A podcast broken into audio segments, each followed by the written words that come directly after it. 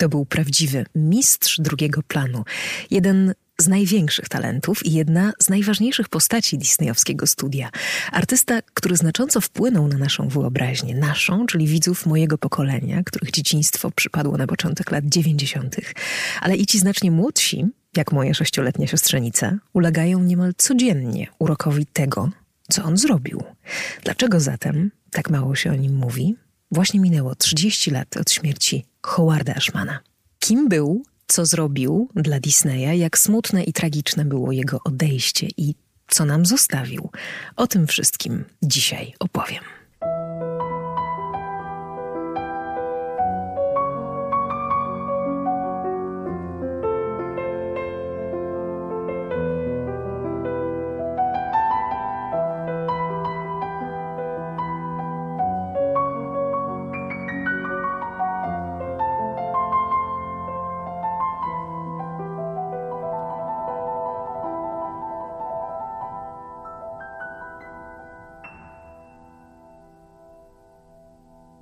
14 odcinek podcastu Score and the City z czołówką, którą wymyślił Michał Woźniak, producent podcastu, a zagrał tak cudnie Aleksander Dębicz. Bajkowo. I tej atmosfery będzie dzisiaj więcej, choć bajki, jak to bajki, mają też swoje mroczne momenty. I takie też będą. Chciałabym jednak zacząć, jak zawsze, od podziękowania za wszystkie sygnały, że słuchacie. I też chcę w tym miejscu zachęcić do, do subskrybowania podcastu tam, gdzie e, słuchać lubicie, czyli na Spotify. Można to zrobić w Apple Podcast, jak najbardziej. Tam nawet można wystawić recenzję. Google Podcast, Overcast, a może po prostu YouTube. No i zawsze, ale to zawsze, jeśli macie jakieś wątpliwości, czy się odezwać, bo w sumie chcielibyście, ale nie wiecie, czy to zrobić, no to odpowiedź brzmi odezwać się, bo dla mnie to jest bardzo ważne. Przeglądałam mm, odcinki podcastu Wstecz i Disney jest w nich obecny, całkiem nawet go jest sporo. W odcinkach z cyklu Niezapomniana Melodia także, mimo iż ten cykl był o polskim kinie. I w odcinku e, z garderoby, w którym moim gościem była Kasia Łaska, nasza polska Elza.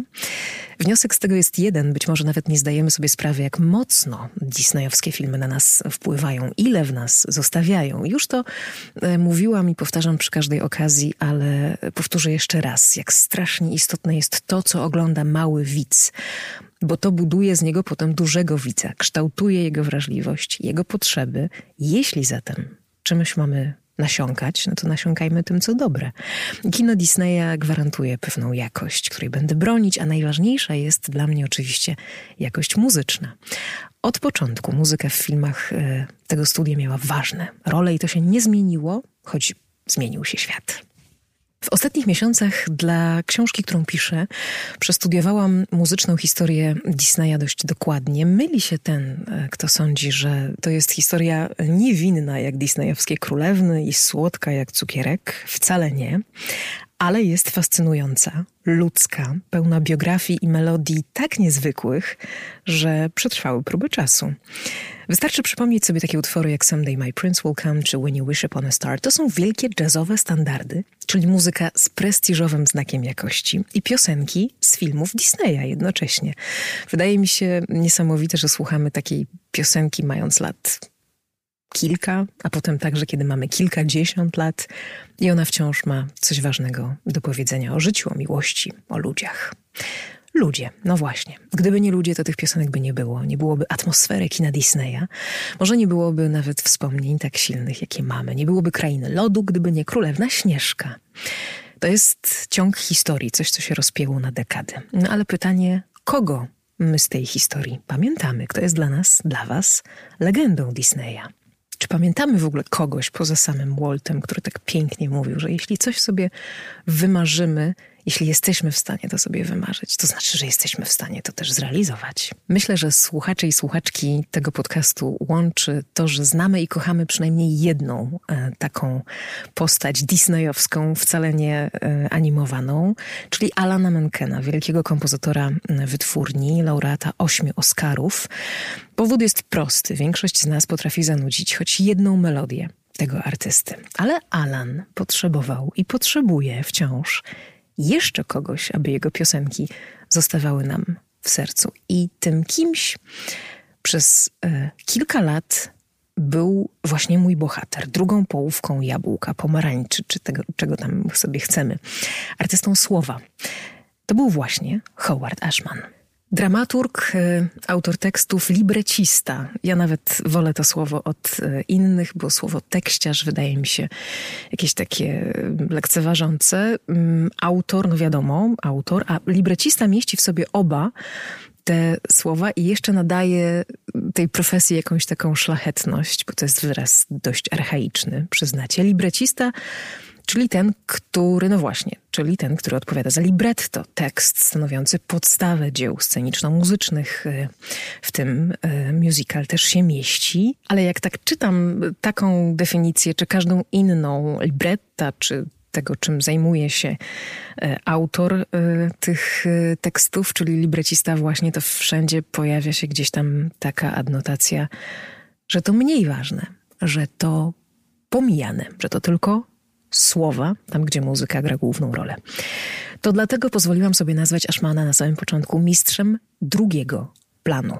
Mistrzem to bez wątpienia. Drugiego planu, no bo rzeczywiście na drugim planie pozostaje, choć tworzy nam przecież obrazy i, i emocje, i, i relacje, i wspomnienia z planu pierwszego. Nucąc Under the Siege, Beauty and the Beast, rzadko kto myśli o słowach, myślimy raczej o muzyce. A to jest w końcu duet, który działa tylko wtedy, gdy właśnie jest duetem, jak u starszych panów, mm, którzy przecież śpiewali, że po to łączą słowo z dźwiękiem kompozytor i ten drugi. Nawet tutaj to jest jakoś tak zepchnięte. Ten drugi. Dla mnie dzisiaj ten pierwszy. Howard Ashman urodził się w maju 1950 roku w żydowskiej rodzinie producenta rożków do lodów. Jak na człowieka, który swoją pracą będzie później sprawiać tyle przyjemności dzieciakom, no to jest niezły start, przyznacie. Rożek trzeba wypełnić lodami, żeby dawał frajdę i słowa trzeba ubrać w muzykę. Jedno bez drugiego nie jest takie samo. Howard Ashman był artystą teatru przede wszystkim, od początku, także w tym metafizycznym sensie. I potem to wszystko e, przeniósł do kina, to podejście. Co więcej, jak wspomina jego siostra, był dzieckiem obsesyjnie w teatrze zakochanym. Od najmłodszych lat zafascynowanym opowiadaniem historii i tym, co może stworzyć ludzka wyobraźnia. Na podwórku odgrywał małe spektakle, w szkole wystawiał królową śniegu i wchodził w ten zawód uparcie, aby zarobić na utrzymanie. Pracował m.in. jako copywriter. W połowie lat 70. przeniósł się z rodzinnego Baltimore do Nowego Jorku i tutaj zaczęła się jego prawdziwa teatralna praca. Nie zawsze usłana różami, pełna nie tylko sukcesów, ale y, także porażek. I to tutaj Niemal od razu mm, na początku swojej nowojorskiej przygody poznał Alana Menkena. To się zresztą stało na tych samych warsztatach, na których e, lata później e, poznał się inny ważny duet disneyowskich filmów, czyli Krystyn i Robert Lopezowie. Ale wracając do lat 70., cóż to była za grupa? Wyobraźcie sobie kolegów z klasy, myślę, mogę tak powiedzieć, tej, tej warsztatowej. Menken, Ashman i Maury Yeston, czyli późniejszy twórca musicalu Nine. Dla Alana Menkena poznanie Ashmana było momentem przełomowym. Pod koniec lat 70. E, zaprosił go do współpracy nad musicalem Niech Pana Bóg błogosławi Pani Rosewater na podstawie prozy Kurta Vonneguta. Mm, no a potem musical Little Shop of Horrors, jeden z najbardziej dochodowych w historii małej sceny broadwayowskiej, nie tylko uczynił z nich duet naprawdę rozchwytywany i zebrał wiele nagród, ale także otworzył im drzwi do Hollywood. W 1986 roku przeniesiono ten musical na ekran, a Menken i Ashman dostali swoją pierwszą wtedy nominację do Oscara e, za piosenkę. Disneyowska, czyli ta najbardziej znana część filmografii e, Menkena, zaczyna się także od ich wspólnej pracy, czyli od małej Syrenki, rok 1989. Do tego filmu zaangażowano e, Ashmana i Menkena i był to film dla Disneya bardzo ważny. O ekranizacji opowieści według Andersena w studiu myślano od dawna. Był to jeszcze podobno plan samego Walta Disneya z lat 40., a zatem duże wyzwanie. I Mała Syrenka okazała się wielkim sukcesem e, i stała się początkiem takiego okresu, który nazywamy dzisiaj renesansem. Disneya. Przyniosła twórcom też dwa Oscary, Menkenowi za muzykę, y, a Menkenowi i Ashmanowi za piosenkę Under the Sea. Howard Ashman miałby dzisiaj 70 lat, ale jego życie i karierę 30 kilka lat temu przerwała choroba.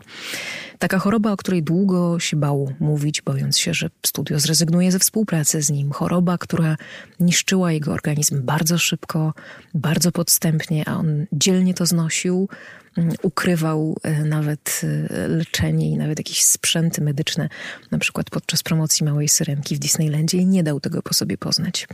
Choroba, o której postanowił powiedzieć najbliższemu współpracownikowi, czyli kompozytorowi Alanowi Menkenowi, dopiero po paru latach, kiedy odebrali Oscary za Małą Syrenkę, Ashman szepnął Menkenowi na bankiecie, że po powrocie do Nowego Jorku chciałby z nim porozmawiać o czymś ważnym. I tym ważnym czymś była właśnie choroba. Wirus HIV i AIDS.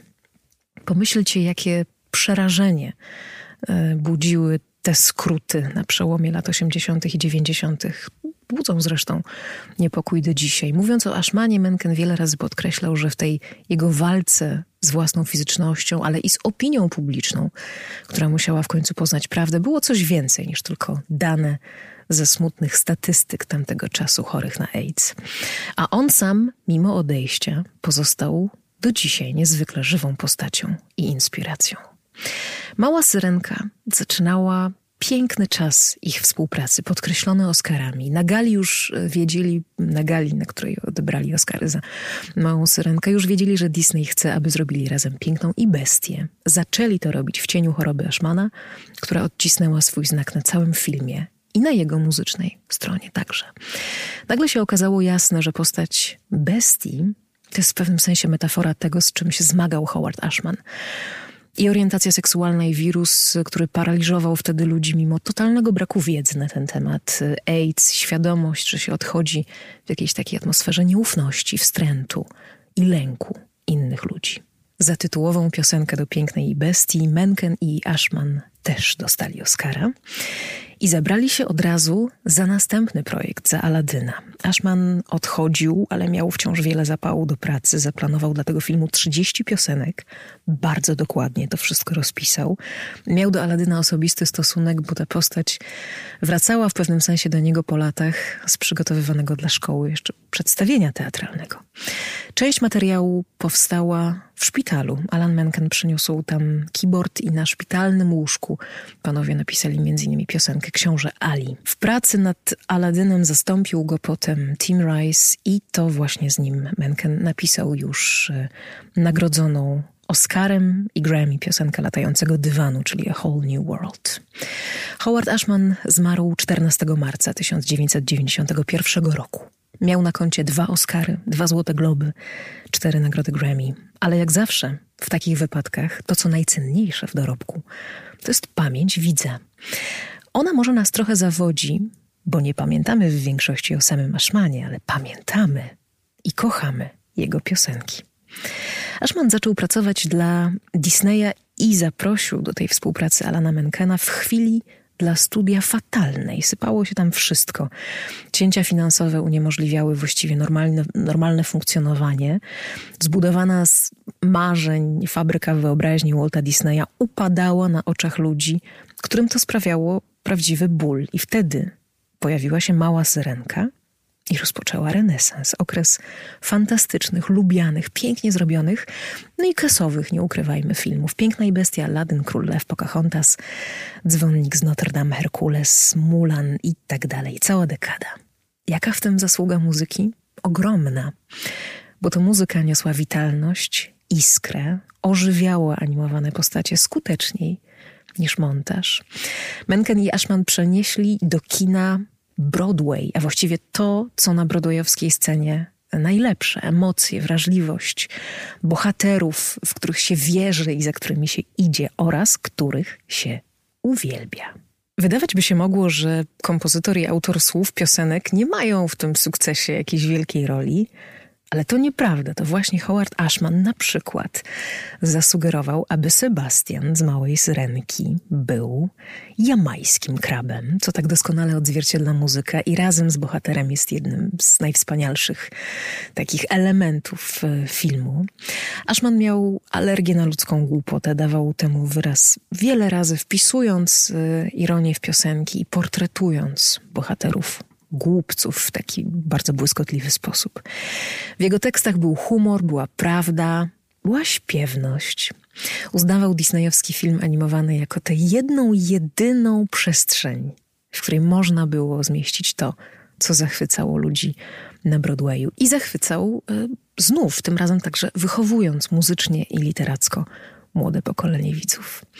Warto tutaj podkreślić, że rzadko oglądamy w Polsce filmowe baśnie Disneya w oryginalnej wersji językowej. To jasne, bo robimy to z dziećmi które y, po prostu łatwiej się identyfikują z tym, co widzą i słyszą, kiedy mają to w języku, który rozumieją. Nie mam nic przeciwko dubbingowi, jeśli jest świetnie zrobione, a w Polsce robi się go dla Disneya naprawdę bardzo dobrze, zarówno pod względem aktorskim, jak i wokalnym. Cała rozmowa o tym z Agnieszką Tomicką, z kierownik muzyczną wielu produkcji, mm, jest w czwartym odcinku z serii Niezapomniana melodia w podcastach Score in the City. No i ukłony tutaj w stronę tych e, ludzi, tych artystów, którzy za te polskie wersje odpowiadają. I to, co wymyślił na przykład Howard Ashman, e, przekładają na język polski, a potem pilnują, żeby zostało z pasją e, zaśpiewane powiedziane. Marcin Sosnowski, Michał Wojnarowski. To tylko niektórzy z nich. Jesienią zeszłego roku w Disney Plus premierę miał dokument e, z 2018 zatytułowany po prostu Howard. Zrobił go producent Pięknej Bestii, Don Han i pokazuje ten film e, niezwykłego artystę. Howarda Ashmana, który zmienił oblicze Disneya i wprowadził go na nowe tory, na których, wierzę, studio jest do dzisiaj. Bez wątpienia najsilniejszą muzyczną stroną e, tych filmów, które tak kochamy, poza iście musicalowym rozmachem, godnym najlepszych scen świata i tak samo wymagającym wykonawczo, są tak zwane I Want Songs, wzięte z teatru muzycznego oczywiście, piosenki głównych bohaterów, których wyśpiewanie no, znacząco wpływa na losy postaci, bo odnosi się do ich pragnień i do ich marzeń.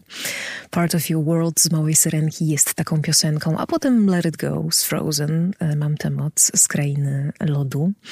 Ashman przywrócił e, tym I Want Songs, tym piosenkom po kilkudziesięciu latach przerwy w kinie animowanym właściwą pozycję i uczynił z nich gwiazdy.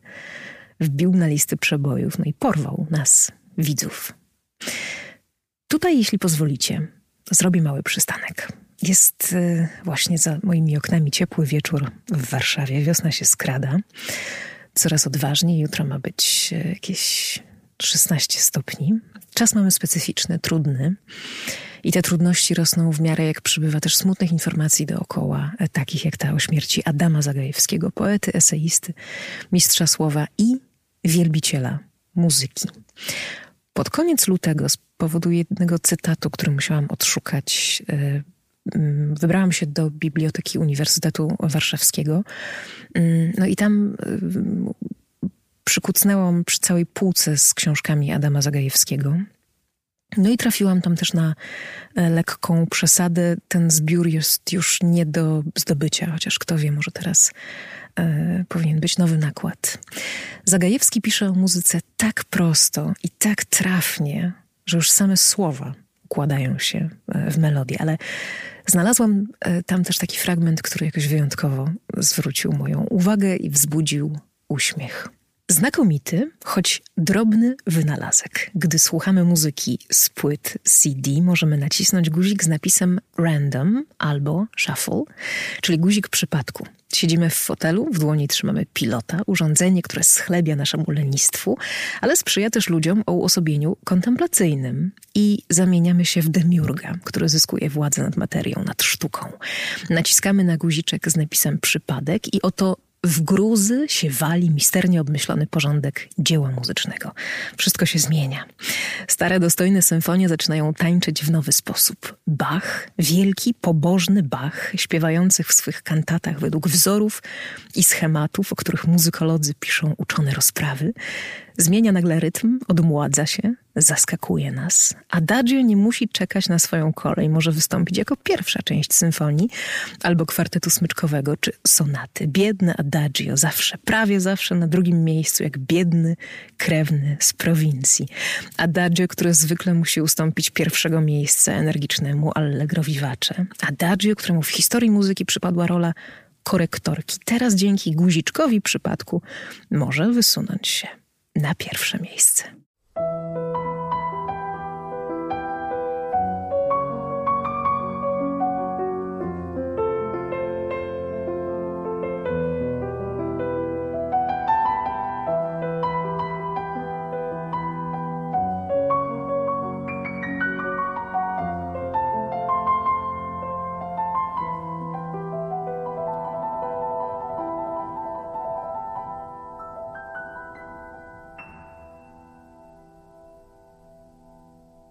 Wracam do Ashmana. Długo się zastanawiałam, jaką piosenkę i w czyim wykonaniu zagrać na koniec tego odcinka.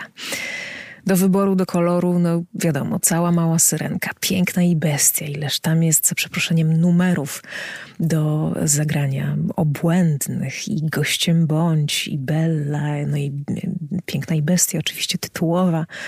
Mm, no i Aladdin też y, i wiele piosenek jeszcze z, z, z musicali, z dzieł scenicznych y, Ashmana. Piękna i bestia w jakim wykonaniu, w tym filmowym, y, czy w, w tym najnowszym, Ariana Grande i John Legend. Jest w sieci przepiękne wideo, które pokazuje Alana Menkena, który opowiada o Ashmanie i siedzi przy fortepianie i gra i śpiewa piękną i bestię. No wybór ogromny. I postanowiłam ostatecznie zdecydować się na metodę z lekkiej przesady, czyli metodę przypadku, która może sobie i gra tutaj z klasyką, o czym Zagajewski ironicznie pisze, ale mnie się bardzo przydała. A zatem wcisnęłam guzik przypadku w w tym, z czego korzystam na co dzień, czyli w serwisie Spotify. No i po wymieszaniu e, utworów e, ze słowami Ashmana i odsłuchaniu tego, co zaproponował mi algorytm, wyskoczyła w roli głównej piosenka Beauty and the Beast, ale w wykonaniu samego Howarda Ashmana z albumu, który się nazywa Howard Sings Ashman. No i wiadomo, nie ma tutaj wokalnych popisów jak na Broadwayu. Ale czy może być piękniejsza wersja niż ta i lepsza niż ta, w której śpiewa człowiek, który, jak ktoś pięknie napisał, dał głos małej syrence, a bestii swoją duszę. Wiosną 2021 roku, 30 lat po jego śmierci i chwilę po odejściu Adama Zagajewskiego, niech słowo w muzyce znowu się e, liczy. Nie dzieje się to znowu przecież dzisiaj. Aż tak często.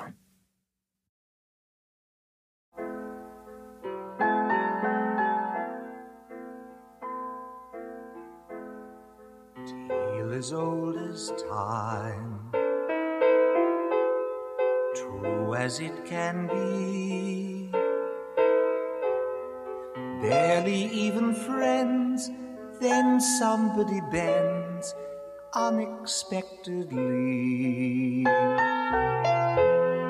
Just a little change, small to say the least, both a little scared, neither one prepared. Beauty and the beast, ever just the same ever a surprise. Ever as before, ever just as sure as the sun will rise. Tale as old as time, tune as old as song. bittersweet and strange, finding you can change, learning you were wrong. Certain as the sun, rising in the east, tale as old as time, song as old as rhyme, beauty and the beast. Tale as old as time, song as old as rhyme, beauty and the beast.